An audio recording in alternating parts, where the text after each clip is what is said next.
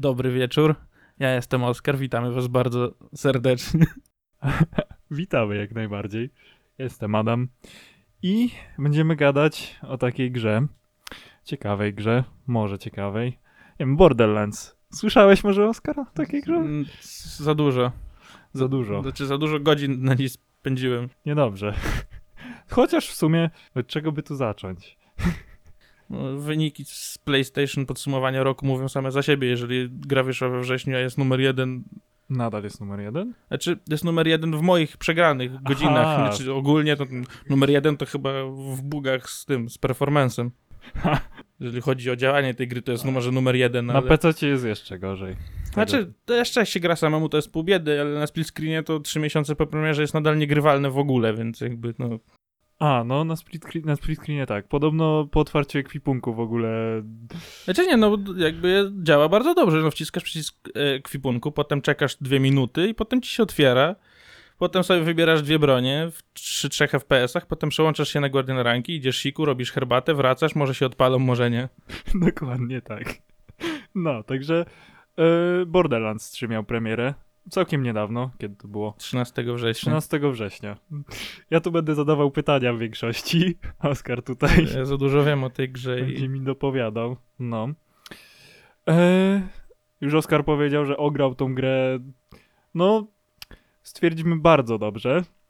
Ja no jestem powiedzmy w połowie, więc to będzie takie trochę porównanie gościa, który przegrał w bordery bardzo, bardzo dużo, a gościa, który jest totalnie laikowym graczem borderów. I tak nie uważam się za.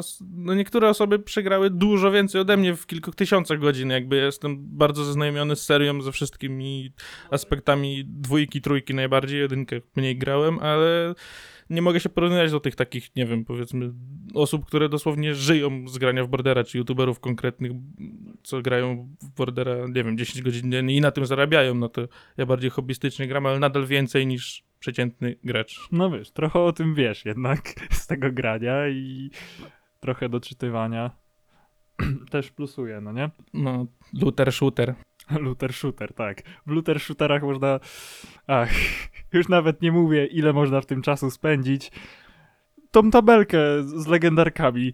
Byłem kiedy u ciebie ile? Dwa dni temu? No, Jak mi pokazałeś tą tabelkę z legendarkami. Znaczy ja jej nie robiłem, no ale Wiem, że jej nie robiłeś, ale fakt sam, że ją znalazłeś i, i zabijałeś tych bossów, które to były. no ładnie sobie zrobiłem swoją listę po prostu, których potrzebuję, żeby wydrobić te rzeczy, jak jakiś event przed, że są anointed dropy zwiększone, to stwierdziłem, że sobie po farmie, no wiesz, ty grasz bardziej dla fabuły, zbierasz bronię, patrzysz, czy jest lepsza i tyle, a ja po konkretne rzeczy łażę, zapierdalam przez całą mapę, robię save pointy, far farmię tego bossa 100 razy, nie dostaję tego, wkurwiam się, idę zrobić sobie zieloną herbatę i idę spać.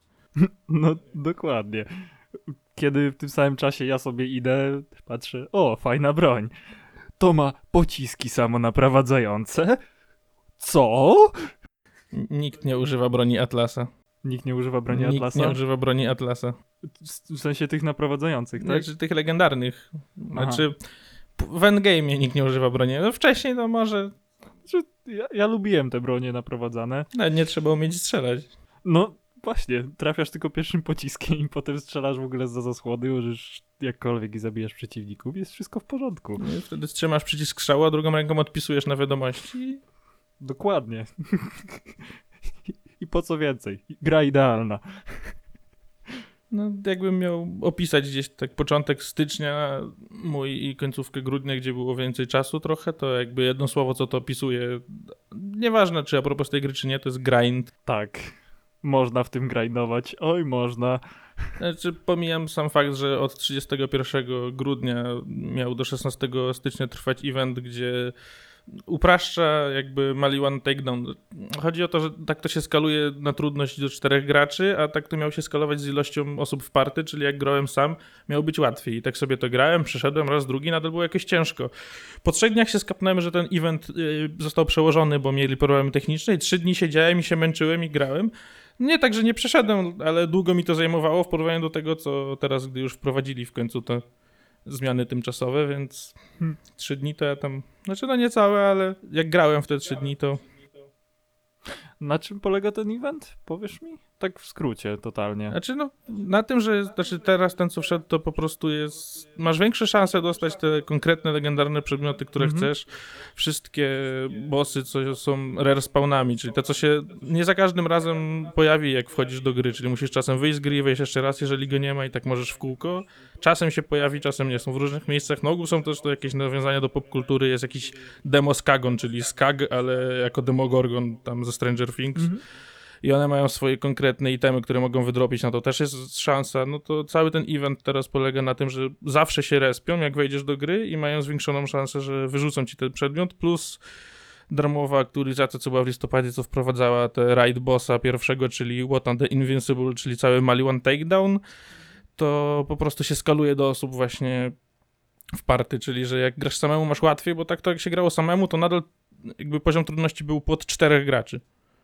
Czyli mieli zwiększone wszystkie statystyki. Ta gra zawsze koopem stała. Znaczy, złe może stwierdzenie, bo solo też się da bardzo fajnie grać, bardzo przyjemnie. W dwójkę. W dwu- ja dwójkę na przykład solo przyszedłem. No, to w, dwu- w dwójkę się najlepiej, znaczy ze wszystkich części w dwójkę się najlepiej gra solo. No tak. Dużo osób w ogóle nie gra w tą grę dla fabuły, ani nawet dla tego grindu endgame'u, po prostu gra, strzela, zbiera przedmioty kolorowe i tyle jakby. A jeszcze propos, no w ogóle strzelanie to według mnie najlepsza rzecz w tej grze. W trójce tak, to jakby jest główne... Właśnie, jeszcze na przykład możemy porównać trochę, co wyszło w dwójce bardziej niż wyszło na przykład w trójce i vice versa. E, według mnie to zdecydowanie to właśnie strzelanie w trójce. No To jest największa poprawa w stosunku do poprzednich części, gdzie w dwójce to strzelanie jest niezłe, ale w trójce jest jakby dużo lepszy. Trochę problem w ogóle z tą całą serią jest taki, że jedynka Bordera była rewolucyjna tam na 2009 rok, jak wychodziła. Później dwójka też była takim pierwszym pełnoprawnym looter shooterem ulepszonym pod każdym aspektem. Natomiast trójka wyszła, to trójka jakby ulepsza wszystko, co wzięła dwójka, ale nie ma tego poczucia, że to jest rewolucyjna gra, gdzie jedynka i dwójka były dość rewolucyjne w gatunku. W dwójkę Bordera grali fani looter shooterów do premiery trójki przez 5, 7, 8 lat, jakby cały czas i do tej pory grają w dwójkę niektóre osoby. No w looter shooterach to są trochę dwie grupy, Borderlands i Destiny, to jakby grają albo w to, albo w to i w zasadzie tyle. Trochę Diablo. No to w shooterach, ale nie w looter shooterach. No jakby... Faktycznie shooter. No, no to na przykład y, z mojej perspektywy strzelanie w dwójce to było takie, że właściwie to nacelujesz na przeciwnika, trzymasz lewy przycisk myszy i, i tyle, no nie? A w trójce już na przykład, grając na przykład na klawiaturze i myszce, jak ja na PC, czuć już na przykład ten odrzut. Jest tak, no lepszy jest dużo feeling tego strzelania. Plus do tego to, że dodali w trójce taki e, to wspinanie się na krawędziach, Mhm. E, strasznie fajnie się chodzi, biega tam i po prostu zabija przeciwników. No, o, a na przykład taka kompletnie useless opcja, nie wiem czy to w ogóle używałeś tego kiedykolwiek, ale podskoczysz, klikniesz control.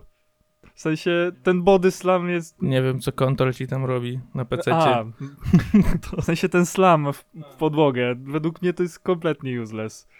Znaczy, jako funkcja jest fajna, to przywrócili z pre natomiast jest useless pod względem mechanicznym gry, że jakby Mhm. nie opłaca się robić damage'a ze wślizgów z, tego, z tych slamów. To fajnie wygląda, jak się gdzieś przemieszczasz, ale do walki, do, żeby używać tego jako mechanikę w walce Mhm. się nie opłaca. Wszystkie później przedmioty, co ulepszają nawet, jakieś zwiększają damage tych skoków, slamów i wślizgów, to kompletnie się nie opłaca. Jakby większość czasu trzeba strzelać. Co więcej, w trójce prawie się nie opłaca w ogóle rzucać granatów. Gdzie w dwójce granaty, czy legendarne, dużo Mhm. zmieniały, mogły dużo dipsów zrobić. W trójce granaty też są dość jakby bezużyteczne, większość po prostu czasu trzeba strzelać i tyle. Jakby nie ma tej różnorodności przy tym, jak atakujesz przeciwników. Mhm. No właśnie też odczułem takie wrażenie, że granaty właściwie to... No, w sensie nie było za tyle chyba unikalnych granatów, no nie? W sensie w trójce. Czy rodzajów jest dużo, ale jakby nie ma użytecznych. Jedyne co to Stormfront i Quasar można użyć, żeby pościągać tarcze z przeciwników. To jest jakby jeden, jedyna użyteczność tych granatów. Jeszcze heksy są. No to tam trzy rodzaje legendarnych granatów, które mają duże obrażenia od szoku, czyli tam te elektryzujące, przez co zdejmują po prostu tą tarczę. Mhm. E, możemy jeszcze powiedzieć o tym, jak na przykład były e, zbudowane lokacje bo lokacje w porównaniu do dwójki były dużo bardziej szczegółowe, dużo lepiej jakby narysowane, powiedzmy. No, mi się dużo bardziej podobało. Twoje zdanie? Znaczy na pewno są bardziej, mniej jest loading screenów, są bardziej otwarte, czy półotwarte, jak to nazwać. Mniej jest tego teleportowania, gdzie w dwójce to często jak wchodzisz w jedną lokację, żeby przejść do drugiej po prostu, gdzie tutaj są większe mapy połączone.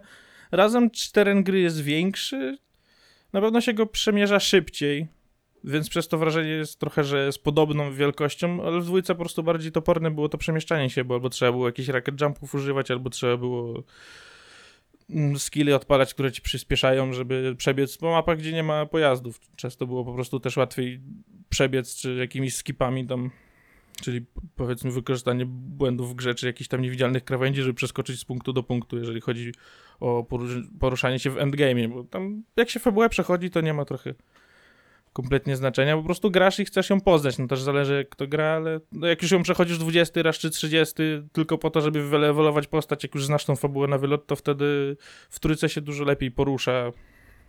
No natomiast nie można robić grenade jumpów, czyli jak zdejmiesz granat moda, to jakby już cię nie podrzuca. Nadal są różne sposoby z różnymi tam bazukami, ale jest to dużo mniej używane niż było w dwójce, gdzie jakby tam na każdej postaci po prostu zdejmowałeś granat moda, rzucałeś sobie pod nogi, jakieś tam z Salwadorem inne cuda się wyczyniało z dwoma bazukami, można było wylecieć na 20 metrów w górę i przeskoczyć pół mapy. No tak, speedrunnerzy mogą wszystko w tej grze.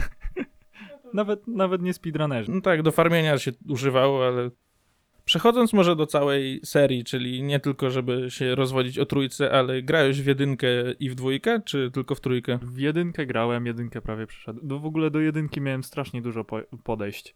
Raz to próbowałem na przykład z kuzynem przejść, raz to próbowałem z kimś innym, już nie pamiętam z kim. Ze mną raz. Z tobą raz nawet próbowałem, nawet tego nie pamiętam. Całe wiesz? dwie godziny graliśmy. Wtedy co wyszła wersja, ta odnowiona Game of the Year. No, faktycznie, przypomniało mi się. No, ale do jedynki miałem bardzo dużo podejść, ale nie przeszedłem do końca nigdy. Z czego też trzeba napomknąć, że parę lat temu się super grało w tego bordera, a teraz już jak na przykład... Parę, czyli 10. No, No, parę, czyli 10, no. E, a jak na przykład teraz, jakoś rok temu, próbowałem jeszcze raz to grać, no już czuć, że to jest starsza gra. Już to czuć. W porównaniu nawet do, do dwójki, no dwójka akurat była przełomowa pod tym względem.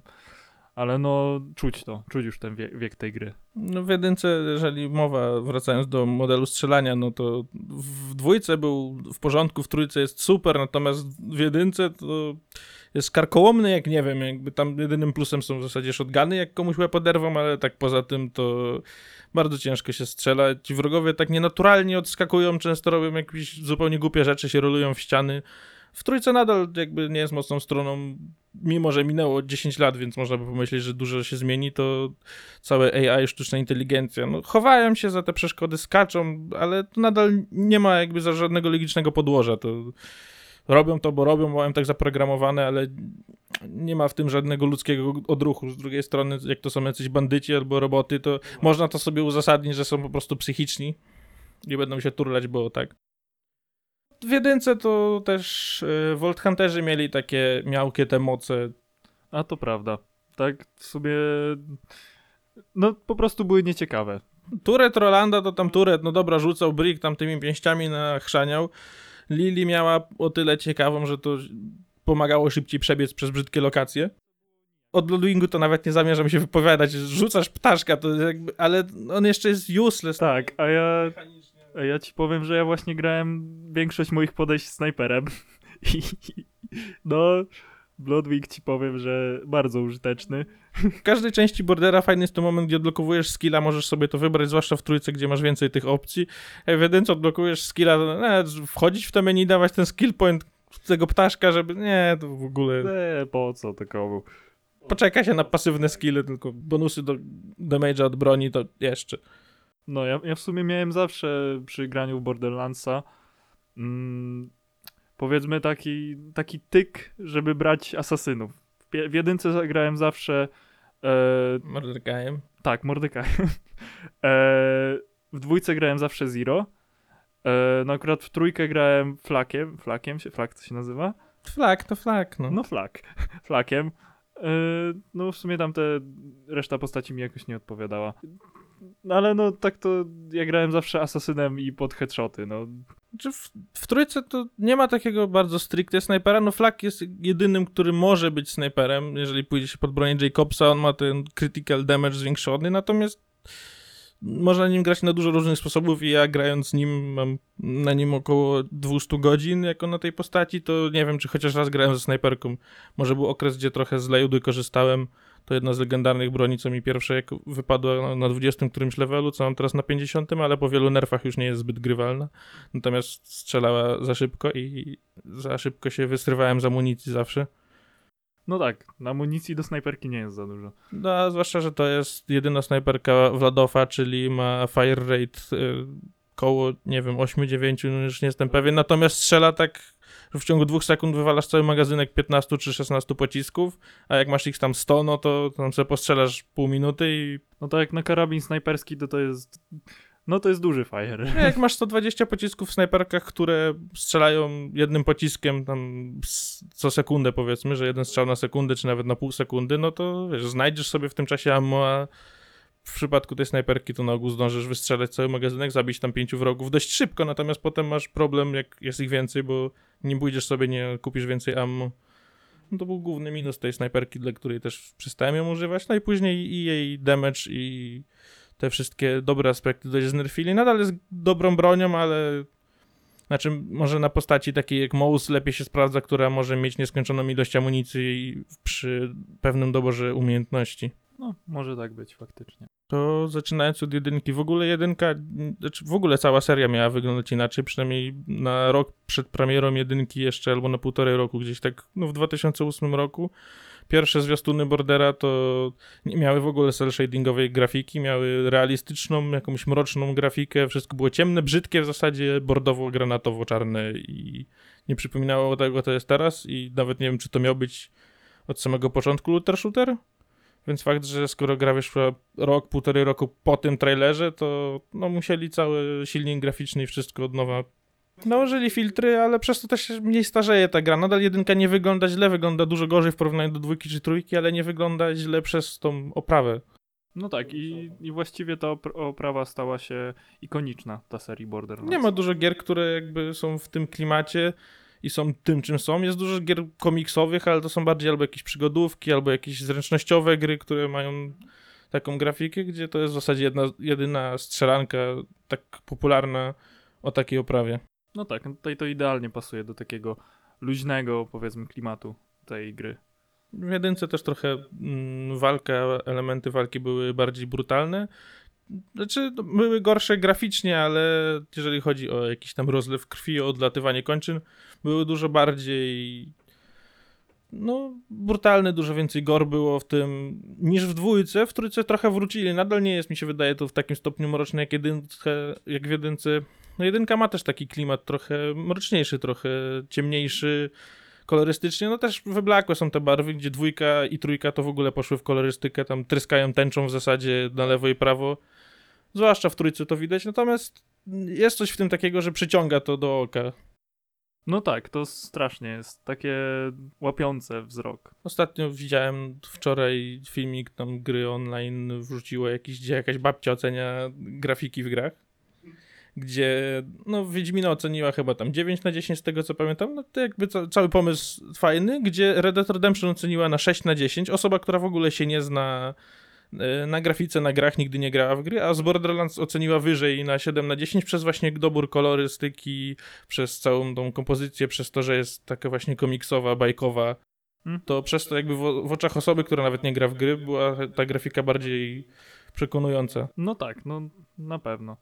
Kontynuując z kontynuacją, czyli przechodząc do Borderlands 2, czyli w zasadzie obiektywnie takiej najlepszej części serii, która miała w sobie taki element wciągający, była właśnie dość rewolucyjna, jeżeli chodzi o looter shootery i w ogóle o gry, wprowadzała dużo mechanik, których wcześniej no, nie dało się spotkać w każdej grze.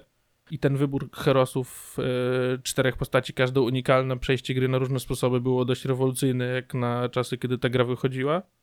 I tak do całej serii odwołując się, to dość ikoniczna postać y, Tiny Tiny, pod którą głos podkładała Ashley Birch, która jest y, ogólnie bardzo utalentowaną aktorką głosową, podkładała swój głos także w grach na przykład Horizon Zero Dawn pod główną postać Aloy. Teraz też w lutym wychodzi serial telewizyjny Mythic Quest, coś tam, no tu na całej nazwy nie pamiętam, ale to na pewno da się znaleźć i ona tam gra postać pierwszą albo drugoplanową. W grze The Outer Worlds, to jest najnowsza produkcja, w której podkładała głos pod jedną z postaci pobocznych, które tam asystowały nam jak graliśmy, mogliśmy wybrać, żeby z tą towarzyszką chodzić. E, no, nazwy nie pamiętam, bo jeszcze co, nie ograłem sobie gry, więc nie przytoczę, ale także dość znana rola i była za nią nawet wyróżniona chyba do The Game Awards pod koniec roku. No. Outer Worlds, tak? Mhm, The Outer Worlds. Było za tam właśnie, chyba za dźwięk, co wygrał Mats Mikkelsen za Death Stranding, Mhm. to ona też była tam chyba nominowana do tej samej kategorii, no i tam też pojawiła się, rozdała jakąś nagrodę. I ma na YouTubie serię y, na swoim kanale Hey Ash Watcha Playing? Official, to jest jakby kanał, on nie, nie jest dość popularny, ma może kilkaset tysięcy subskrypcji, gdzieś tak od roku nie nagrywa filmików, ale całą tą serię miała gdzie z tym swoim bratem. I brat w ogóle jest y, twórcą scenariusza do Borderlands. O, Antony, Antony Birch y, cały scenariusz do Borderlands, znaczy no cały, jest tam współtworzy, współpisze niektóre żarty, tego typu rzeczy.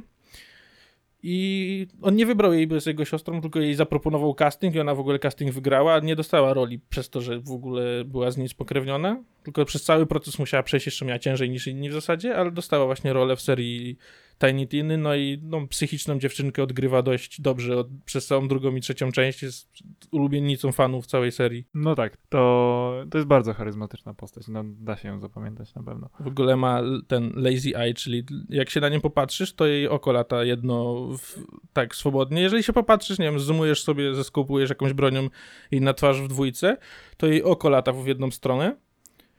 I to był bug i to jest jako glitch w dwójce, ale w trójce nadal tak jest. Jakby utrzymali to, jakby to jest już cechą tej postaci.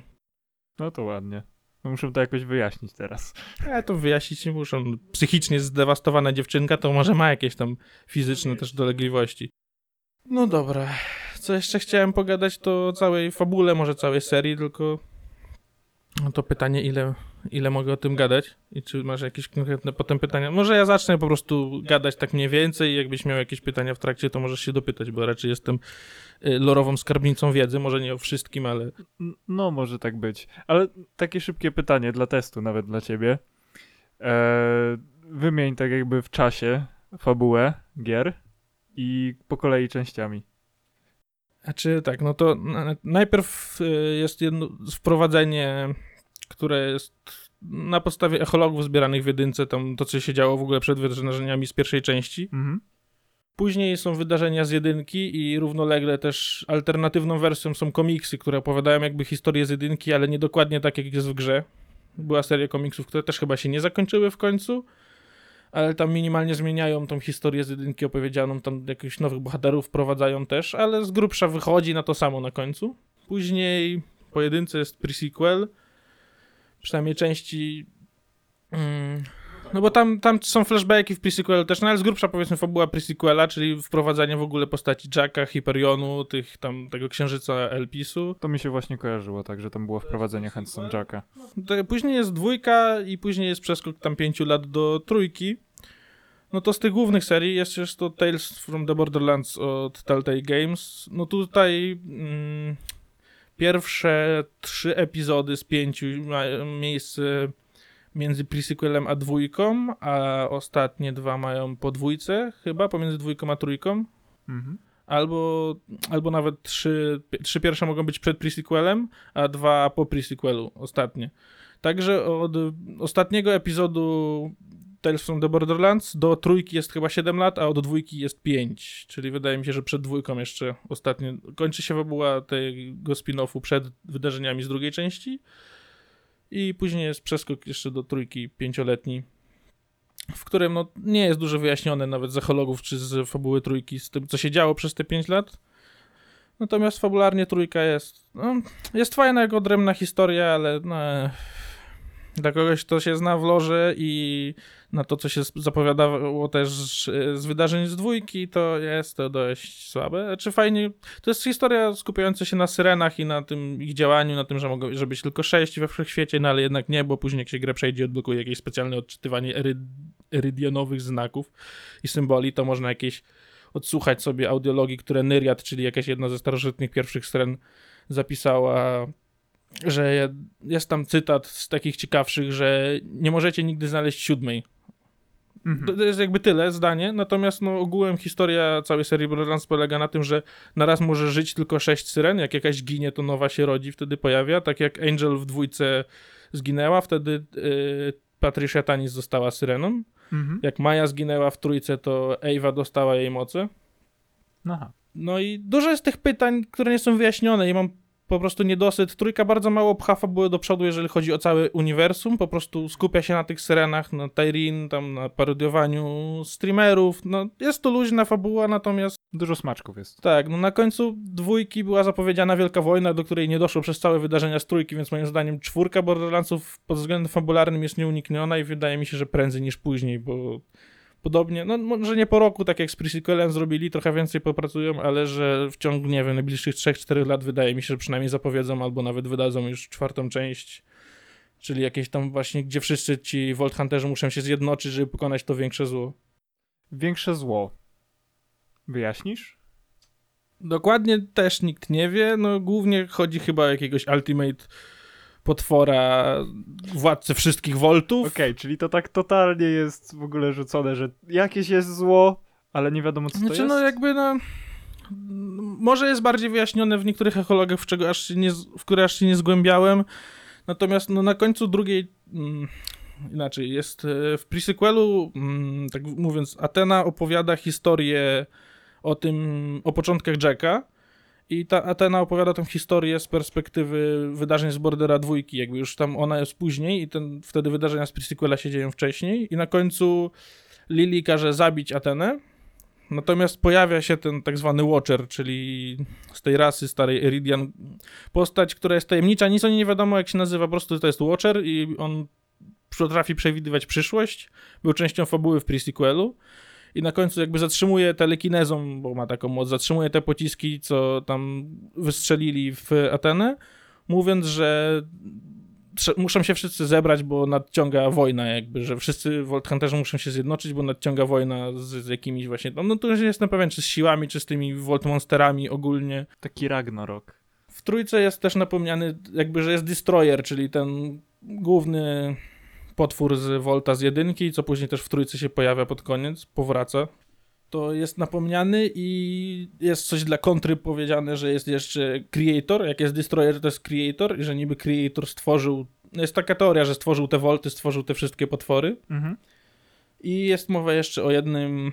E, w jednej z też tych notatek eridianowych e, Nyriad jest tam mowa o Vault of the Traveler, czyli ten, co był w Tales from the Borderlands, co też nie wiadomo, bo tam od, otworzyli ten Vault na końcu, Rhys i Fiona otworzyli ten skarb cały i zniknęli, gdzieś ich to przeteleportowało i teorie też są takie, że po prostu każdy Vault zawiera w sobie coś e, specjalnego. W trójce tam do pierwszego Vaultu jak wchodzimy, to dostajemy jakąś tam chyba wtedy umiejętność tego rozwalania Iridium, że je zbieramy, czy coś takiego. Mhm. Później w kolejnych Voltach umiemy też czytać właśnie te, sczytywać te zapiski, czyli uczymy się jakby języka. W ostatnim Volcie na Necrotafejo dostajemy tą broń z tego Volta, co strzela innymi brońmi. No to tam fabularnie wiem, że chyba jeszcze tam nie jesteś, ale to w każdym, wol, w każdym Volcie coś jest w każdym razie. Jakiś artefakt, że tak powiem. I w tym Volcie podróżnika, czy ten Vault of the Traveler, oni zniknęli. Są teorie, że tam był jakiś artefakt, który może pozwalać teleportować się postaciom niektórym. I tam był wtedy Rhys i Fiona. O Fionie nic nie wiadomo, jeżeli chodzi o fabułę. Nie pojawiła się w trójce w ogóle. No Riz się pojawił, ale nie przejawiał żadnych tam umiejętności, żeby on władał jakimiś z otwarcia tego Volta. Nie wiadomo nic, co się później stało, bo jak oni tworzyli ten Volt, to potem minęło 7 lat do wydarzeń z trójki i z tego, co wiem, to on stał się, on wrócił właśnie do rządzenia tym Atlasem, tą korporacją całą. Sasza, z którą chyba był z nim zerwała, albo kontakt zerwali to była ta przyjaciółka albo siostra Fiony, nawet nie jestem pewien już tutaj, ale na pewno były blisko tam w Tales from the Borderlands, no a w, co z Fioną nie wiadomo kompletnie. Wiem, że Riz chyba jej szukał, albo Zero pomagał mu jej szukać. Mhm. W każdym razie jest mowa właśnie, że Vault of Traveler, Vault of the Destroyer i jest jeszcze powiedziane mm, Vault of the Timekeeper, bodajże. No i nie wiadomo, bo nie ma w trójce, jakby nie, nie wiemy, gdzie jest ten Vault z potencjalnym potworem, który się będzie nazywał Timekeeper, bo był Destroyer, był Traveler, był właśnie te inne potwory, czy tam Rampager był jeszcze, co ty chyba go też pokonałeś. To był pierwszy Vault w trójce, ten taki stwór, co wyskakiwał. Ojej, właśnie pan nie kojarzę. Mm, To było tam, gdzie Maja ginie. Tam gdzie Maja. A, to już chyba wiem. No, pierwszy chyba ten potwór z Voltu. I nie wiadomo, gdzie jest ten ostatni Volt i Timekeeper, ale jest dużo teorii o tym, że to jest. Ta, że tam będzie artefakt, który pozwala w jakiś sposób manipulować czasem. Więc wszystkie wydarzenia z trójki lub nawet śmierci postaci, które miały miejsce, czyli tak jak Mai, nawet Rolanda z dwójki, Handsome Jacka, że to wszystko da się odwrócić lub w jakimś stopniu cofnąć. No to to są spekulacje, jeżeli chodzi, bo tylko mamy nazwę tego potwora, czy też tego Voltu, o, Timekeeper. Mhm. Na pewno coś z czasem, ale to, to, to jakby pozwala na tyle teorii, że nie da się określić, co jakby co, co tutaj twórca miał na myśli, ale otwiera to kolej, kolejne to jest nieodpowiedziane pytanie potencjalnie na czwartą część gry. No tak. Jednak to uniwersum pozostawia dużo, tak jakby, pomysłów Tak, na no tą nadal- czwartą część. Nadal tej bitwy nie było, która była ewidentnie wspomniana w dwójce i w pre-sequelu, jakby, że wszyscy muszą się zjednoczyć do tej jakiejś tam bitwy ostatecznej, czy coś takiego. Czy to chodzi o jakiegoś jakby o całą tą, no, ra, że, inaczej. Rasa Eridian, tych, co stworzyli Volty, już jakby wyginęła, nie żyją. Zostali ci strażnicy, guardianie, co są w tych tam Voltach czasami, potem są na tej planecie Necrotafeo, która się tam pojawia, no której też tam będziesz. To oni mają za zadanie bronić tych Voltów, jakby są taką rasą wyższą, ale są stworzeni tylko do obrony tego, a cała rasa Iridian, co stworzyła te Volty i potwory, już nie żyje jakby. Stworzyli te potwory i ten Destroyer, czy coś, zostali zniszczeni, unicestwieni, ale pozamykali te potwory. Ale co jakby, co jest taką nadrzędną, czyli tym, że tak powiem, stwórcą, nie wiem, ten Creator, no nie wiadomo, więc tylko można się domyśleć, że chodzi o walkę jakby z tym, z tym większym złem, czyli z czymś odpowiedzialnym w ogóle za powstanie tych Voltów, tej, tego wszystkiego, Mhm. z czym się zmierzamy od pierwszej jakby części, czego poszukujemy w ogóle, że są Vault Hunterzy. No tak. To jest motyw przewodni w sumie tej gry. No tak, każdej części ciągle wymyślałem jakieś nowe tam mm, modyfikacje, ale nadal chodzi po prostu, żeby łazić i otwierać Volty. No. No tak, otwieramy wolty. W środku jest gówno, jakby zawsze z potwora coś fajnego wyleci, w tym Volcie są skrzynie, w których jest nic nie ma po prostu, useless te Volty, jak nie wiem. No ale przynajmniej fajne bronie można wydropić z bossów. Z bossów lecą, z bossów lecą. Bossów lecą, zwłaszcza w trójce, gdzie tych legendarek jest dużo więcej, natomiast są też dużo słabsze. W dwójce, jak się trafi legendarkę, to jest naprawdę takie wow. No nie wszystkie są też dobre, wiadomo, są jakieś z różnych części się składają, jakieś tam mają mm, gripy, barele od różnych y, manufacturerów. No, Kurwa, teraz twórców broni. no. Twórców, no twórców, powiedzmy, że twórców broni. Tak jakby tych firm, które odpowiedzialne są za tworzenie danego rodzaju broni, czyli tam jest Dol właśnie Wladów, czy inne rzeczy, to broń może mieć e, rękojeść z Wladofa, ale lufę na przykład z Hyperionu i wtedy będą inne statystyki. No tak. I są gorsze i lepsze warianty. W każdym razie zawsze jak się dało wydropić jakąś legendarkę w dwójce, to było to satysfakcjonujące. Ona zawsze dużo dawała przewagi nad przeciwnikami też, no przynajmniej nie w endgame, ale w trakcie takiej gry, gdzie w trójce to lecą na prawo i lewo, tylko w większości są bezużyteczne, albo jeżeli chodzi o endgame, to nie są anointed. Nawet nie wiem dokładnie jak to... No nie ma polskiej wersji gry chyba z tego co wiem, więc nie wiem jakby to przetłumaczyli, ale to jest jakby specjalna taka pasywna, umie- pasywna cecha danej broni, która wpływa na postać i na jakieś umiejętności. Dla przykładu, że jak na przykład skaczesz, to masz zwiększoną celność wtedy podczas strzelania. To jakby jest jako dodatko, dodatkowy perk jakby, no nie? Albo, że twoje dwa magazynki po tym, jak ci się skończy umiejętność, mają dodatkowe obrażenia tam od y, ognia. Dajmy na to. Natomiast jest to niestety, znaczy niestety albo niestety, w endgame, jeżeli chodzi o te poziomy Mayhem, jakieś trudniejsze, trochę odpowiedniki jakiejś takiej udręki z Diablo, to jest to niezbędne, żeby w ogóle móc grać, żeby móc wygrać, żeby móc nie zginąć, żeby móc cokolwiek przejść, wydropić, pofarmić. No tak, no to już wchodzimy na poziom takiego, taki wyższy. Tak, no jakby są to wymagane cechy danej broni, gdzie potrzebujemy jakąś broń, ale tych anointed wersji, że tak powiem, może być z 80 różnych na daną broń tych pasywów, a potrzebujesz z konkretnym jednym, no i teraz tu się zaczyna ten grind.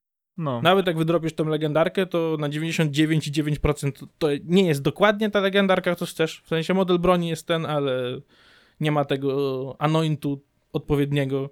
no i tutaj mimo tego, że w Borderze trójce leci więcej tych legendarek, to jednak ten grind jest większy, bo są te perki.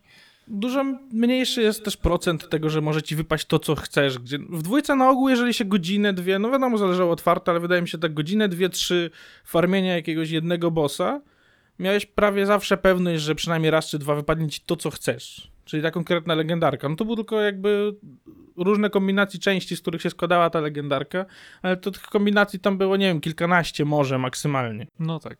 Gdzie nie wszystkie były słabe. Niektóre tam załóżmy 5 z tych 15, dajmy na to, było niezłych i ci odpowiadało, czyli w zasadzie jedna trzecia tego samego przedmiotu rodzaju była ok, gdzie tutaj i dropy są zmniejszone, więc wydropić dany przedmiot jest trudniej, to jeszcze może on wyjść, lecieć w tylu wariantach różnych, a tylko tam załóżmy dwa cię interesują na tam 80 czy 90. Więc w trójce też może być tak, że pograsz godzinę i wydropisz co chcesz, ale może być tak, że będziesz 30 godzin jednego bossa w kółko i w kółko robił i nadal nie będziesz miał tego co chcesz. No tak, no element losowy. Wiadomo, w dwójce też było, ale w jakiś sposób to działało tak, że No tak, było bardziej to przyjemne. tak, po dwóch, trzech godzinach była ta satysfakcja z tego, że otrzymaliśmy przedmiot, który chcieliśmy wydropić, który tam nam pasował i przechodziliśmy dalej do innego bossa albo... No tak, jak w dwójce wyleciała legendarka z bossa, nawet za pierwszym razem, to ja miałem takie wow, legendarka. Będę tego używał. No tak, wiadomo, że nie wszystkie były równe, ale w miarę każdą dało się dopasować do jakiegoś buildu, gdzie tak memowo idąc dla tych, co wiedzą, w trójce woodblocker to... No to, to jakby ja bym, ja bym z białymi brońmi prędzej biegał niż z tym woodblockerem. Bloker to jest jakaś To jest snajperka. snajperka, legenda, tak? I najgorsza. Tak, to najlepsza broń w całej grze. Musisz mieć na każdej postaci, w każdym slocie po prostu. Woodblocker to jest... Wiesz, taka snajperka, bierzesz, strzelasz komuś w łeb, no, odbija się od niego i sam sobie w stopę strzelasz. Z, cze- z czego leci? Muszę wydropić. Ze wszystkiego. I Ze to, wszystkiego, ale tak? zawsze, cokolwiek nie zabijesz, to wylatuje woodblocker. Tworzysz skrzynię, tam leży woodblocker. Zabijesz minionka, leży woodblocker. Zabijesz ten bossa jakiegoś i te same broni wypadają. Jakby woodblocker masz 100% dropage ze wszystkiego prawie. No, wiadomo, podkoloryzuje. Jeżeli chcesz cokolwiek iść farmić, to szykuj się, że będziesz tam miał z 10 woodblockerów. No i może to, co chcesz, ale też nie na pewno. Jak ktoś jest fanem woodblockerów, to, jak najbardziej. Woodblocker build na jakąś postać, tak, Tak. to jest musowo. Może kiedyś coś takiego będzie. Ech, jak zbufują i znerfią wszystkie inne, a zbufują Moodblockera, to może.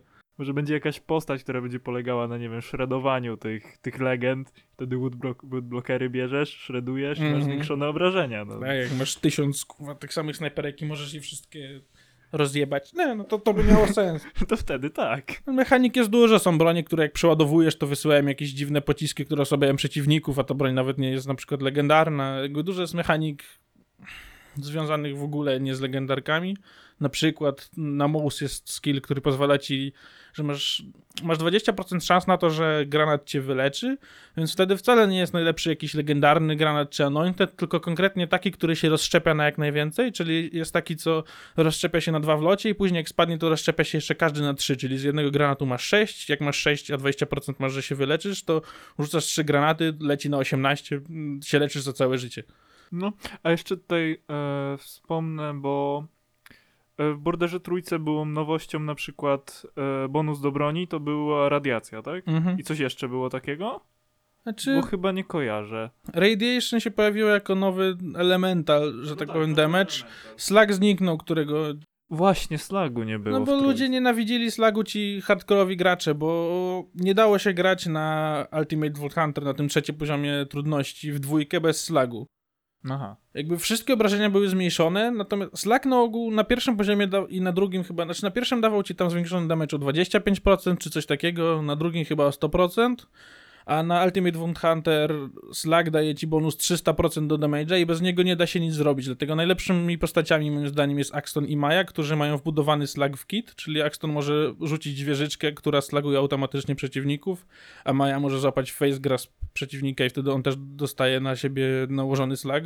No tak, ale w sumie nawet z własnego doświadczenia mogę powiedzieć, że e, też nie lubiłem slaga. W sensie, bo zawsze musiałem mieć jakąś broń, która ma slag Tak, musisz mieć albo broń, albo wbudowane to w kicie właśnie. i strzelić w kogoś i potem zmienić na inną broń, która ma większe obrażenia niż ta ze slagiem. Tak, no jest to mechanika, ale jest to me mechanika, która niestety jakby wymusza coś na graczu. Nie możesz grać tak jak chcesz, bo musisz mieć jakąś broń slagową. Dlatego później z najlepszych takich broni był z dodatku z Tiny Tinum Dragon Skip, był pistolet, który dostawało się na czas misji, on slagował i każdy, jeżeli zobaczysz jakikolwiek build do dwójki, to każdy zaczyna tą misję i jej nie kończy i ma ten pistolet w ekwipunku, dopóki nie skończy misji i zawsze z nim lata, bo ten pistolet miał kilka super perków. Po pierwsze slagował i miał mm, najwi- największą szansę na zeslagowanie wroga chyba w całej grze. Mhm.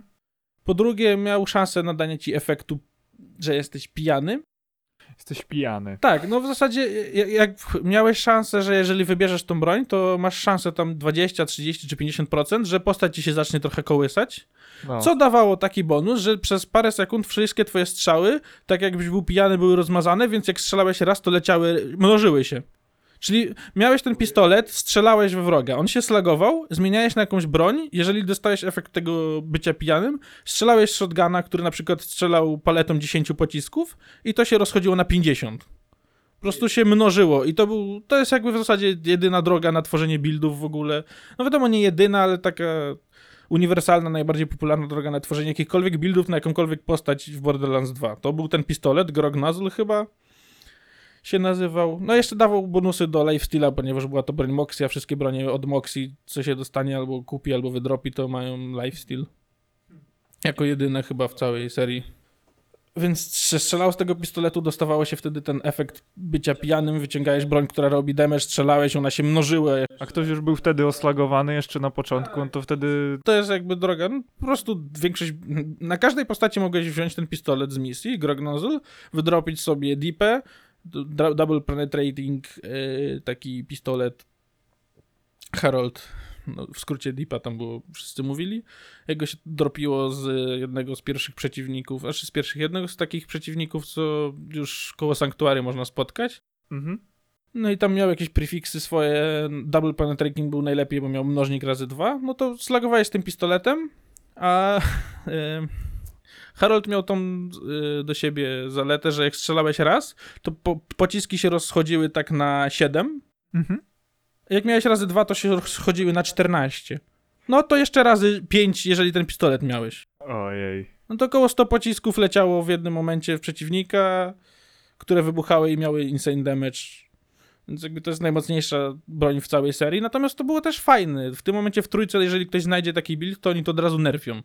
Aha, czyli ciągle sobie wychodzą do trójki update'y, które nerfią? Wiadomo, że chodzi o balans i cho- chodzi, żeby każda z postaci była grywalna, natomiast jeżeli problem jest, że jeżeli znajdą jakąś fajną mechanikę nową gracze, to oni na ogół to od razu jakby usuwają. Wiadomo, no da się nacieszyć, w tym momencie jest chyba popularna ten Ricochet Witch Build, którym tam ktoś wymyślił na YouTubie i stworzył i to polega na wykorzystywaniu jakiegoś nowego class moda do Amary, gdzie biegasz w cholernie szybko, dostajesz zwiększony gun damage na podstawie tego, jak szybko biegasz, strzelasz sobie z broni, która rykoszetuje na wszystkie strony, strzelasz w jednego przeciwnika, lata milion efektów cząsteczkowych po całym ekranie i nagle wszyscy nie żyją. Ale, ale z drugiej strony też właśnie ciekawie, bo w sensie, że oni to paczują, tak? Bo wtedy ciągle trzeba wymyślać te nowe buildy. No tak, tylko że co wymyśli ktoś nowy build, to oni go patchują i w pewnym momencie to, wiesz, jakby odbiera fan z grania niektórych rzeczy, no nie? No tak. Ostatnio zbalansowali jedną wrzutnię rakiet, która była bardzo mocna, natomiast ona była bardzo mocna, bo miała duży damage. W ogóle to była jedyna chyba wyrzutnia rakiet, czy jedna z niewielu, które się opłacało używać w trójce też swoją drogą. A no. E, Ion Cannon. No ale to ją znerfili tak, że zamiast jeden pocisk to zabiera sześć. Aha. Ojej, no to to trochę mocny nerw. Nadal się da nią grać, bo jak weźmiesz sobie jakiś build pod mouse właśnie, który ma nieskończoną, nieskończoną ilość amunicji przez tam parę sekund, to da się to zrobić. Natomiast moc tej broni była taka, że ona miała 100% drop rate. Był jeden boss, którego zawsze jak zabijesz, to zawsze ci wypada ta broń. Za każdym razem 100% drop rate, na każdym poziomie ci wypada ta legendarka, nie? Aha, w sensie broń miała 100% drop. Myślałem, że, że miała taką, że z każdego bossa ci drop. Bronie, które zwiększają jakby ci szanse. Znaczy, jest ten współczynnik szczęścia w trójce całej jakiś. Ale wiem, czy to gówno trochę warte, tak jak sprawdzam. Może coś tam daje, ale to są takie niewielkie bonusy, że że nie opłaca się ładować za bardzo punktów w to w tych Guardian rankach całych. No swoją drogą znerfili to właśnie w sposób taki, że zżera więcej amunicji i że trochę wolniej strzela. Natomiast jakby tutaj problemem było to, że było bardzo łatwo do pozyskania też i można było sobie wdropić taką, jaką się chce wersję. Aż za łatwa, tak dla kontrastu dla niektórych innych broni, nie? No tak, jak 100% drop rate, no to jednak jest trochę. Natomiast takie rzeczy też są czasem fan, właśnie eventy, gdzie możesz sobie, masz większe szanse na wydropienie niektórych broni. Tak jak teraz to, że się te rzadkie przeciwniki respią e, częściej, jest dość dobre. Przyciąga ludzi z powrotem, którzy na przykład nie grali od miesiąca czy od dwóch, bo im się znudziło, to teraz jeżeli jakieś wyszły nowe bronie lub mają, mają większą szansę, większą motywację, żeby pograć, żeby coś zdobyć nowego, nie? No tak. Do slagu się pozbyli, radiację dodali i jest krają, czyli to zamrażanie, które no jest to cryo damage, czyli to, że możesz zamrozić przeciwników w trójce, nie? Masz shock, corrosive, e, fire, cryo i radiation. W, w, jeżeli chodzi o różnicę do dwójki, to też explosive damage, tutaj się nazywa splash damage i nie jest elementalem już. Czyli jakby e, nie wlicza się, jeżeli masz zwiększony elemental damage, to w dwójce zwiększało ci to też explosive damage. Mhm. W trójce nie, w trójce to jest jakby explosive damage, to jest splash damage i to jakby zwiększają osobne czynniki, nie jest jako element traktowane. A cryo, czyli zamrażanie, to powraca z pre-sequela, tam to się pojawiło, w dwójce nie było, więc w stosunku do dwójki to jest nowość, ale było w pre-sequelu. Cała postać Zayna opiera się trochę na używaniu, no w większości jego drzewek ma możliwość pójścia w build, który polega na zamrażaniu i osłabianiu przeciwników, gdzie inne postaci raczej nie miałem takiej synergii z brońmi, które zamrażają. No jest jeszcze jeden build do Amary, który też tam polega na wykorzystaniu jakiejś tarczy, która się buguje jak użyjesz skilla i wtedy cały czas zamraża przeciwników, więc łatwo jest ich zabić, jak do ciebie nie strzelają. Ale wracając do mojej oryginalnej myśli, mm, oryginalnej, no, oryginalnego planu, chciałem tak skrótowo jeszcze przelecieć po całej właśnie fabule, już strukturę ci mniej więcej powiedziałem, ale tak to się wydarzyło i może zakończyć tym jakby czego, właśnie dlaczego trójka mnie rozczarowała pod względem fabularnym i czego bym chciał od czwórki. Mhm. Także no, raczej dla tych osób, co są też trochę wtajemniczone, upraszczając, na początku były sobie tam te planety, Pandora, Prometia i w ogóle.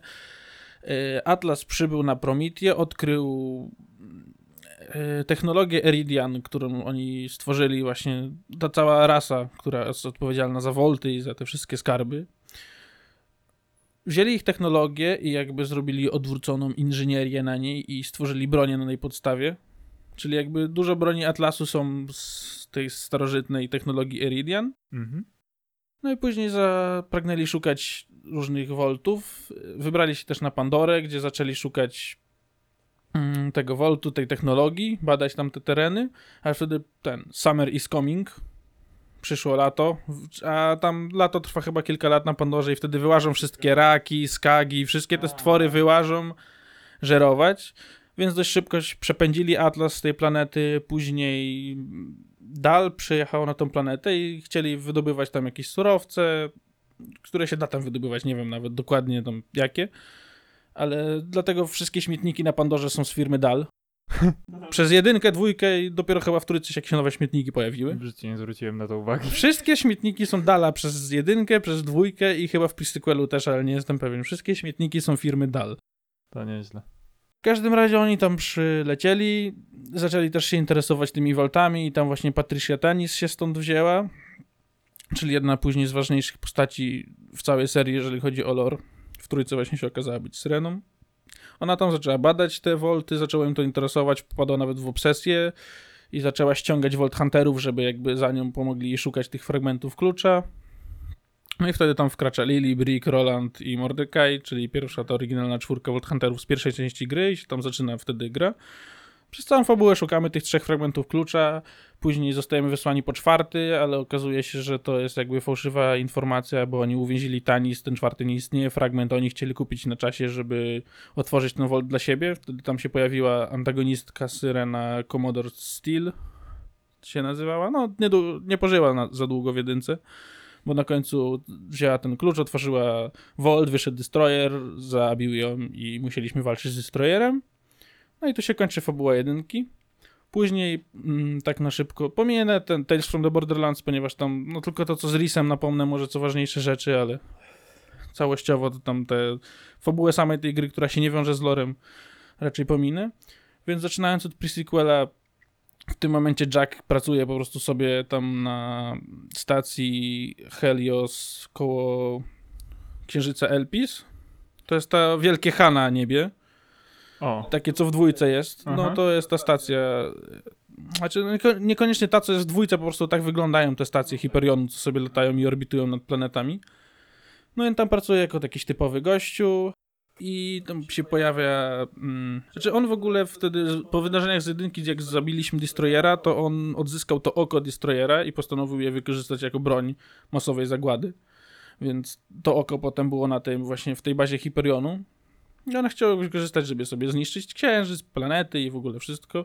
I na początku mu pomagamy w pre-sequelu. No, Tam opowiada Atena wtedy tą całą historię. Tam jest też kilka nowych postaci, czyli tam Wilhelm, Nisza, która była dziewczyną chętcą Jacka później, którą zabijaliśmy w dwójce. Wilhelm, który się stał robotem i też go zabijaliśmy w dwójce. zabija- nawet nie. Ten taki robot Wilhelm, jak się od Tiny Tiny idzie... A, ten Wilhelm, wiem. On był w postaci ludzkiej w pre-sequelu. Tak, zabawny robot. Pamiętam. Tak, no zabawny w dwójce, jak go zabijaliśmy, już nie był jakiś śmieszny. Znaczy w ogóle historia jest taka, że my go zabiliśmy, bo Jack go wcześniej trochę otruł, bo Wilhelm jest maszyną do zagłady, której się nie dało zabić niby. I Jack nam niby pomógł tam, też teorie spiskowe. W każdym razie w pre-sequelu potem wydarzenia pomagamy Jackowi, później się pojawia tam Zarpadon, która zostaje oświecona przez tego Watchera całego, który właśnie z tej rasy, które tam przewiduje przyszłość, ma jakąś telekinezę czy coś. I ona próbuje powstrzymać Jacka. Później próbuje wykorzystać całą tą stację z tym okiem Destroyera, żeby zniszczyć cały księżyc Elpis, żeby nie doprowadzić do otwarcia tamtego Volt. Mhm. Co, trochę spoilerując tobie, okazuje się, że jeżeli byśmy jej nie powstrzymali w pre-sequelu, to to by uratowało praktycznie cały wszechświat. Aha. No bo w trójce się okazuje, że ten księżyc, na którym łazimy w pre-sequelu, to ten cały księżyc jest jednym wielkim kluczem do największego Voltu. Więc jakbyśmy jej dali zniszczyć ten księżyc wtedy, to by nie dało się otworzyć tego Volta. Czyli chwila. Czyli chcesz mi powiedzieć, że cały świat, po którym chodziliśmy w pre-sequelu jest kluczem. No tak, cały ten księżyc jest jakby kluczem do otwarcia Voltu, a całym Voltem jest cała planeta Pandora. To jest jeden wielki Volt. Pomijając te Volty, co są na niej, to ta sama planeta jest wielkim, największym, ogromnym Voltem. Czyli na przykład, czyli ten księżyc jest w porównaniu do Pandory. No mniejszy jest, tak. No, czy bardzo dużo, nie wiem, no tam tu wiesz, jakby realia science fiction, no tam może być dwa razy mniejszy, może być osiem, tam. Nie, nie wydaje się być malutki, na pewno tak jak w porównaniu nasz księżyc do Ziemi, ale no jest dość, dość wielki, jak się tak z Pandory patrzy, to, to malutki nie jest. W każdym razie ją tam powstrzymujemy, na końcu otwieramy ten Vault Sentinela, gdzie tam jest właśnie Sentinel jakieś ma trzy twarze, pokonujemy go i później Jack się tam pojawia tam jest e, właśnie taki symbol do. Symbol w ogóle całej serii Borderlands, ten taki Volt, to kółko z taką V powiedzmy przekry, przekręcone. I on to bierze, widzi swoją przyszłość, widzi to jak ginie w dwójce. Po czym pojawia się Lili i z pieniądzy wbija mu ten symbol w twarz, przez co on potem nosi tą maskę. Więc na końcu prequela dostaje Superman Puncha w ryj i zostaje to wyryte na jego twarzy. Natomiast nie wiadomo nigdy dokładnie, co tam mm, zobaczył. Co kończąc tą fabułę trójką i dodatkiem do trójki, dodam swoją magiczną teorię spiskową, w którą chcę wierzyć mocno. No i to kończy pre-sequela. Potem przechodzimy do dwójki, której fabuła jest najbardziej chyba znana, czyli tam Jack już to jest też trochę czasu po wydarzeniach z pre-sequela. Jack już jakby rządzi Hyperionem, panował tam na Pandorze i ściąga nowych Volt Hunterów na Pandorę sam szuka Voltu, żeby zapanować nad tym Warriorem, ale ściąga nowych Volt Hunterów, żeby ich wyeliminować, żeby nie mieć konkurencji. Natomiast tam Maya, Gage, Krieg, Axton, Salvador i Zero przetrwali i pomagamy wtedy Lili i Rolandowi, Mordekajowi i Brickowi z jedynki w powstrzymaniu Jacka, jego tych złowieszczych planów zapanowania nad Warriorem i zniszczenia świata. No i fabularnie, no to tam wiadomo, dzieją się jakieś twisty, różne rzeczy. Ostatecznie Jack i tak otwiera ten Volt, wypuszcza Warriora, mm, pokonujemy i jego, i Warriora i na końcu mamy wybór albo dać Lili zabić Jacka, albo samemu zabić Jacka. Jakoś ma to wpływ jakiś? Znaczy to, to jakby nie ma znaczenia, Jack jest martwy. I tak, fa- I tak fabularnie w borderze Lili uważa, że go zabiła i tak. Aha, Czyli jak w trójce jest gadanie, to jest gadanie, że Lili zabiła Jacka. Okej. Tak W ogóle główna postać w Borderze to jest taki trochę minus jest omijana. W sensie, z- z- za w każdej cutscence we wszystkim jakby nigdy nie mówią do nas po imieniu, zawsze jesteśmy tam Vault Hunter albo Killer albo coś i nigdy nikt nie zauważa naszego wpływu na fabułę. Tak, ale to jest też względem tego, że masz jednak cztery postacie do wyboru zawsze, nawet więcej. Tak, na, nawet jakby no, cztery czy nie, to w momencie, kiedy Maja ginie, a my to oglądamy w cutscence stojąc obok i się przyglądając, no to trochę słabo, tak, w sensie moglibyśmy tam strzelić czy coś zrobić, jakby nasza postać nie ma realnego wpływu na fabułę. Tak naprawdę, gdyby zabrać naszą postać, to tam się nic nie dzieje, my zabijamy po prostu... Tak, czyścimy w ogóle przed... Czyścimy wszystkie tam rzeczy, po- pokonujemy potwory, na końcu Lili jest super świetna i to Lili wygrała cały wszechświat. No i przechodząc do fabuły trójki, no właśnie tam dwójka kończyła się jeszcze tą zapowiedzią tej wojny i mija 5 lat. Jest Borderlands 3, Handsome Jack już nie żyje i teraz nowe para bliźniaków chce zacząć poszukiwania kolejnego Volta na Bandorze i na innych planetach też. Później się udajemy na Prometheus, na 1.6. Tutaj właśnie wprowadza e, wprowadzone są w e, trójce planety i możliwość zwiedzania innych klimatów niż były to w Borderlandsie 2. No i fabularnie, żeby też. Znaczy, no to nie będę. Znaczy, inaczej, może to nie jest żaden spoiler, wiadomo, tych dwójkę bliźniaków ostatecznie w tej grze zabijamy. To jakby, no wiadomo, jak, jak antagonistów w grze, tak. Żeby na końcu ich powstrzymujemy, dowiadujemy się dużo rzeczy związanych z fabułą, natomiast nadal jest to fabuła związana ze syrenami, nie ma nic z tej przepowiedni, nie ma nic z tych większych rzeczy, co się zapowiadały, że będą, a tylko więcej pytań się narodziło Nie wyjaśnia się nic odnośnie tych voltów, tak?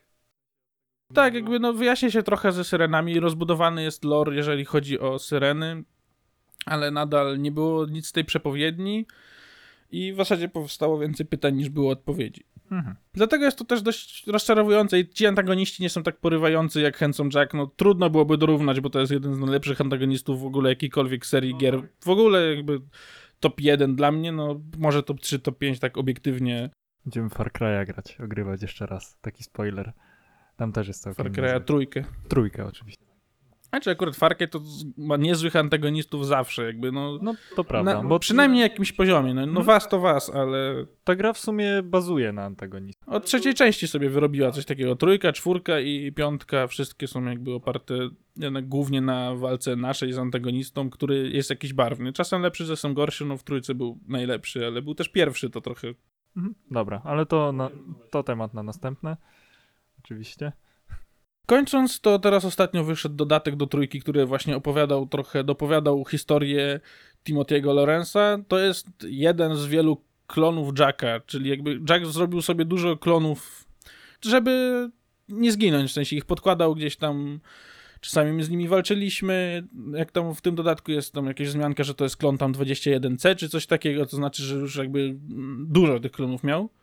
Ale to w dwójce zabiliśmy prawdziwego, czy, czy jego klon? A, do tego chciałeś przejść. Znaczy, nie wiem czy przejść, bo w- dwójce zabiliśmy prawdziwego i wszyscy mówią, że prawdziwego i jakby z tym raczej nie ma co dyskutować. Jeżeli chodzi o kanoniczność i to jest na 99% prawda i w dwójce też był ten Timothy Lawrence tam napomniany, to jest y, taki właśnie gościu, którego operacje plastyczne mu zrobili głos, zmienili wszystko, zrobili, żeby wyglądał jak Jack Mhm. brzmiał jak Jack.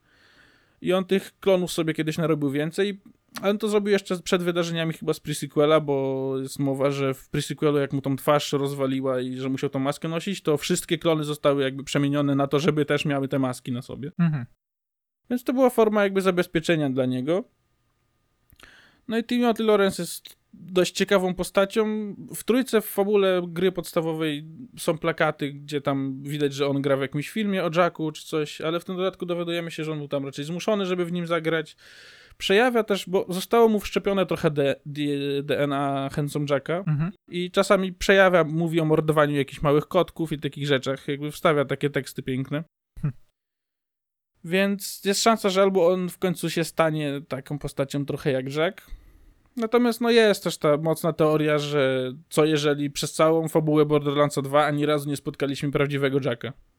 No to było takie typowe w sumie zagranie, no nie? Znaczy, ani razu jakby nie było tam Jacka Jacka, tylko był albo właśnie ten Timothy Lawrence, albo był jakiś inny sobowtór. To by było zagranie w stylu jest sobie film. O nie, to był tylko sen, tak na koniec. Jest trochę teorii na poparcie tego, czyli tam Angel w pewnym momencie, czyli ta jego córka mówiła, że jakby on nigdy prawie, że nie załatwia sprawy osobiście albo nie naraża się na takie ryzyko.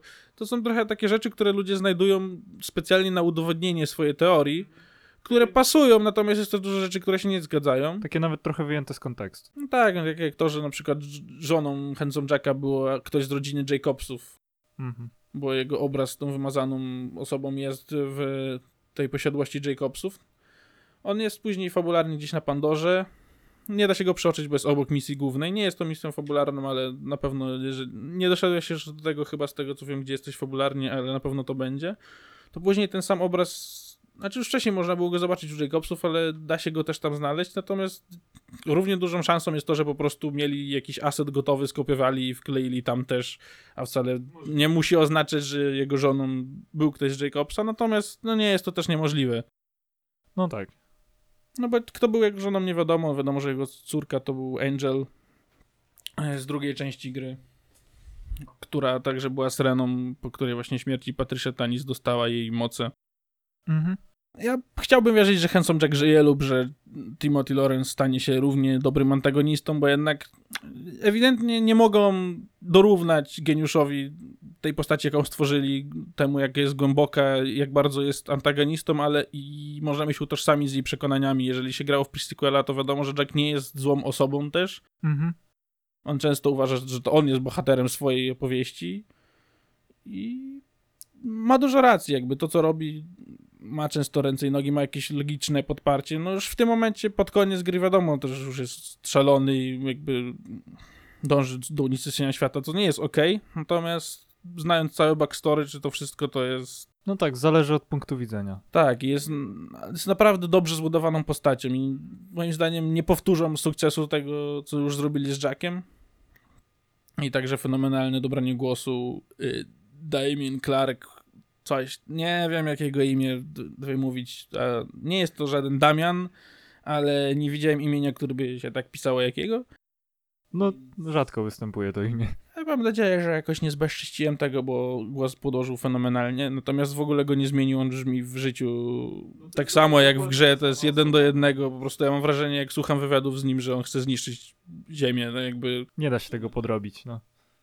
dużo postaci właśnie w trójce też nie wróciło i mam nadzieję, że przynajmniej w DLC w jakiejś formie do niektórych z tych postaci wrócą, bo do wszystkich wiadomo, nie będzie to możliwe, natomiast jakieś DLC z Axtonem, z Gage, co się z nimi dzieje, z postaciami właśnie z dwójki, czy chociażby z Fioną, no byłyby to fajne do powiedzenia fabularne, natomiast nigdy DLC w Borderlandsie nie wiązało się bezpośrednio z, z fabułą. Na ogół wszystkie DLC do dwójki nie były jakoś bardzo powiązane z tą główną ścieżką. Były to takie bardziej właśnie poboczne, tak jak misje poboczne, nie ma to nic do tych syren, nie ma to nic do takiego głównego antagonisty, gdzie tutaj no póki co też się tak wydaje być, ponieważ jest to w, ogóle znikąd jakimś tam kasynie Jacka. Natomiast jeżeli dalej by coś w tą stronę szło z rozwinięciem historii i się okazało, że jednak coś jest z Jackiem na rzeczy, to byłoby to coś fajnego, żeby DLC też były częścią jakby całej tej fabuły. No tak, ale takiego dużego też by w DLC raczej nie wrzucili. Takiej, takiej dużej informacji według mnie. No tak, ale w czterech DLC już.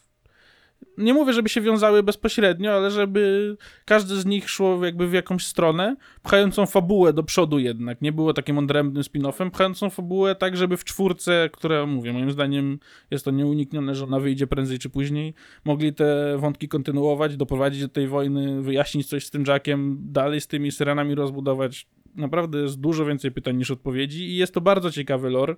Nawet jeżeli by w jakiejś innej formie to wyjaśnili, to byłoby to fajne i mówię, czuję bardzo duży niedosyt po przegraniu w fabułę trójki i nie mam pojęcia, co by mogli gameplayowo zrobić w czwórce. Jakby wszystko w trójce działa gameplayowo, No tak. chyba, że zrobią coś rewolucyjnego. Strzelanie jest bardzo fajne, itemy są, wszys- wsz- wszystko jest. Wiadomo, są jakieś rzeczy, które z którymi jest problem, czy z balansem postaci, czy z balansem przedmiotów, czy właśnie z tymi droperytami, natomiast co mogliby wprowadzić nowego do czwórki, nie mam pojęcia. Dla mnie wystarczyłoby jakby zrobili coś podobnego z pre-sequelem i z dwójką, czyli coś tam może zmienili, zrobili po prostu na tej samej podstawie, na tej samej bazie grę, po prostu nową historię i fabułę, No tak, żeby zakończyć niektóre wątki. Może dalej jakiś nowy cliffhanger zrobić, ale naprawdę moim zdaniem muszą kontynuować fabularnie tą grę. Wiadomo, dużo osób nie gra w tą grę dla fabuły, ale dla takich osób jak ja to cały świat jest dość angażujący i uwielbiam się z nim czasem dowiadywać nowych rzeczy, czy te teorie przez fanów też są świetnie wymyślane, jakby tyle rzeczy można wymyślić i znaleźć rzeczy, które potwierdzają te teorie. Prawie każdą teorię da się potwierdzić czymś z lora. To też jest jakby fenomen tego, jak skomponowali to, że dużo wolności ma gracz No tak, wolną tej interpretację. historii. Wolną interpretację i także teoretyzowanie. Zawsze będzie można wymyślić nowe teorie, Tak. że ktoś coś tam zrobił. Dopóki oni tego nie wyjaśnią, ale moim zdaniem też powinni się dużo inspirować tymi teoriami. Mogliby, Jakby tak. widzą, co gracze chcą, co oczekują lub co byłoby dobre i na pewno wiedzą, że Handsome Jack jest ich ulubieńcem Mhm. i Tiny Tina, która także mogłaby cały DLC być poświęcony jej i wszyscy gracze by byli zadowoleni z tego powodu. No tutaj mówię, mogą być inne kwestie, że oni przyznali, że Handsome Jack jest martwy, ale to jakby sposobów na, no nie wiem, czy wskrzeszenie go, nie mówię już o cofaniu jakiegoś czasu tam jak tym jednym z tych stworów, czy tym przerzucaniem jego AI, które też nie wiadomo, czy zginęło, czy nie, bo w Tales from the Borderlands było tak, że on się wgrał za pomocą Flasha, którego zostawił Kataga, czy nie Katagała, tylko Nakazała, bodajże, już tam wiesz, tych nazw to... No tak. Taki profesorek, który spadł ze schodów i zdechł. W dodatku do dwójki. E, To Riz sobie go wszczepił i on tam w jego głowie siedział, później był, sterował właśnie tą jedną ze stacji Hyperionu, które latały i ona się rozbiła i on niby tam zginął. Aczkolwiek też są teorie i możliwości, że on się po prostu tam wgrał w jakiegoś robota, tą swoją inteligencję i dalej kontynuował jakiś złowieszczy plan i się kryje gdzieś w cieniu i powróci. Może nie ze swoją twarzą numer tam 3 czy 4, ale w jakiejś innej formie czy postaci. No na pewno jego powrót byłby triumfalny i no, graczom by się to spodobało, natomiast mówię, jeżeli chodzi o zakończenie fabuły, to jest potrzebna ta czwarta część i gameplayowo nie oczekuję nic nowego, po prostu nową historię na podstawie, na, na tej samej bazie wybudowaną. No tak. Mógłby to, mógłby to być równie dobrze jakiś wielki dodatek. No tak, ale raczej już to kawał fabuły, jeżeli mieliby wyjaśnić, to już by zrobili czwórkę nawet dla, samego, dla samej kwestii zarobku. Na pewno, na pewno. To co, to chyba No, tyle, bo Chyba i tak. tak dość szczegółowo nie zacząłem opowiadać, ale jakbym szedł dalej, to jakby to już jest milion filmików, które lepiej odpowiadają całe te szczegółowe jakieś historyjki a propos danej każdej postaci, niż ja jestem to w stanie zrobić. A i tak większość osób nie potrzebuje tej wiedzy, co im dałem. Prawdopodobnie tak. Ja to sobie po prostu grałem, przechodziłem, fajnie się strzelało. Super było, super gra. Właśnie jakby perspektywy dwóch osób. Tak. które zupełnie inaczej podeszły do gry. Jakby jedna osoba gra w grę, bo to gra, a druga trochę już jakby jako element kultury i wszystko wokół tego. Nie mówię, że jestem jakimś wielkim fanboyem, ale na pewno wiem więcej niż przeciętny gracz w tą grę. No tak, na pewno wiesz więcej niż ja. Bo nie poświęciłem tysięcy godzin, ale poświęciłem kilkaset może, no. No tak. Co daje mi jakieś tam prawo na wypowiadanie się i na, na ocenę tego wszystkiego, co twórcy nam przygotowali. To co z tym Far Cry'em, to chciałeś na następny odcinek, czy jakiś w ogóle niegrowy temat może? Nie, nie, to po prostu tak zarzuciłem, że, że, że był taki plan, żeby w to zagrać jeszcze raz. Bo ja bym bardzo chciał. Bo fajna gra to była. Większość tych gier jednak, co też zamierzamy albo my omawiać, albo ja sam na swoim osobnym podcaście, to są gry, które i tak no, wyszły kiedyś, ale wyszły też w wersji teraz odnowionej. Mhm. Lub są nowszymi grami, lub w wersji remastera, lub całego remake'u. Albo po prostu chci- chcielibyśmy nie zagrać jeszcze raz. No tak, no, ale jeżeli jest opcja na przykład zagrać w Uncharted z 2007, a w tą wersję odnowioną z 2015, to i tak wybiorę tą nowszą po prostu No tak, no, dla wygody grania, bo jest po prostu poprawiona, mniej, mniej toporna na pewno. no tak. Mimo, że tam niektóre sekwencje nadal są outdated. No, nawet grałem ostatnio i ojej. No, to na przykładzie, no tak jak grałem w tą odnowioną właśnie część Borderlandsów 1, to no jest nostalgia, jest klimat, ale Ale no, to jest dosłownie jedynka, tylko że po prostu ładniejsza i tyle. tak, to po prostu w zasadzie jakbyś miał bardzo ładnego Mustanga, ła- bardzo ładny samochód i po prostu go musiał pchać, nie możesz nim pojechać, bo, bo nie działa. Jest bardzo ładny, bardzo fajny, ale po prostu musisz go pchać. No no jakby lepiej było wsiąść sobie, pojechać. Tak, musiałbyś go pedałować, miałbyś rower po prostu w środku. Flintstone style. No, dokładnie. Prze- Przebierał nóżkami. No. No, także Dobra, to, to ja się muszę napić, napij się. bo już mi w ryju zaschło. Ja się w tym czasie pożegnam, może zacznę. Dobrze, zacznij. Także To był nasz pierwszy wspólny podcast z Borderlands. Uznaliśmy, że Borderlands będzie takim w sumie luźnym tematem. bo Oskar się na tym zna. Trochę na czasie w tym momencie i u mnie i mogę o nim za dużo pogadać, co zrobiłem, więc jakby pasowało. No tak, taki na rozluźnienie na pierwszy. Eee, I planujemy w sumie nagrywać więcej, zobaczymy jak to wyjdzie. No, chcesz coś dodać? Że śmieszy mnie ten Mikołaj z tym misiem na setupie od chusteczek. A tak. Bo, może to będzie na okładce podcastu, zobaczymy. Kiedyś. Kiedyś może. Może inaczej, może wrzucę po prostu na tego Instagrama podcastowego, co mam. Masz Instagrama? A, mam, założyłem.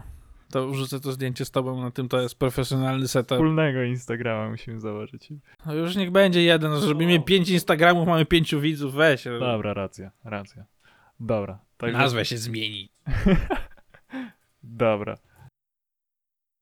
Nie wiem, kiedy tego słuchacie, ale no, miłego dnia, miłego... Miłego dnia, miłego wieczoru. Ej, Bądź dobrej nocy.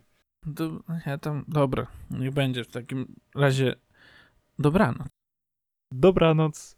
Pozdrawiam Adriana. Ja pozdrawiam Osmul Hona Lola.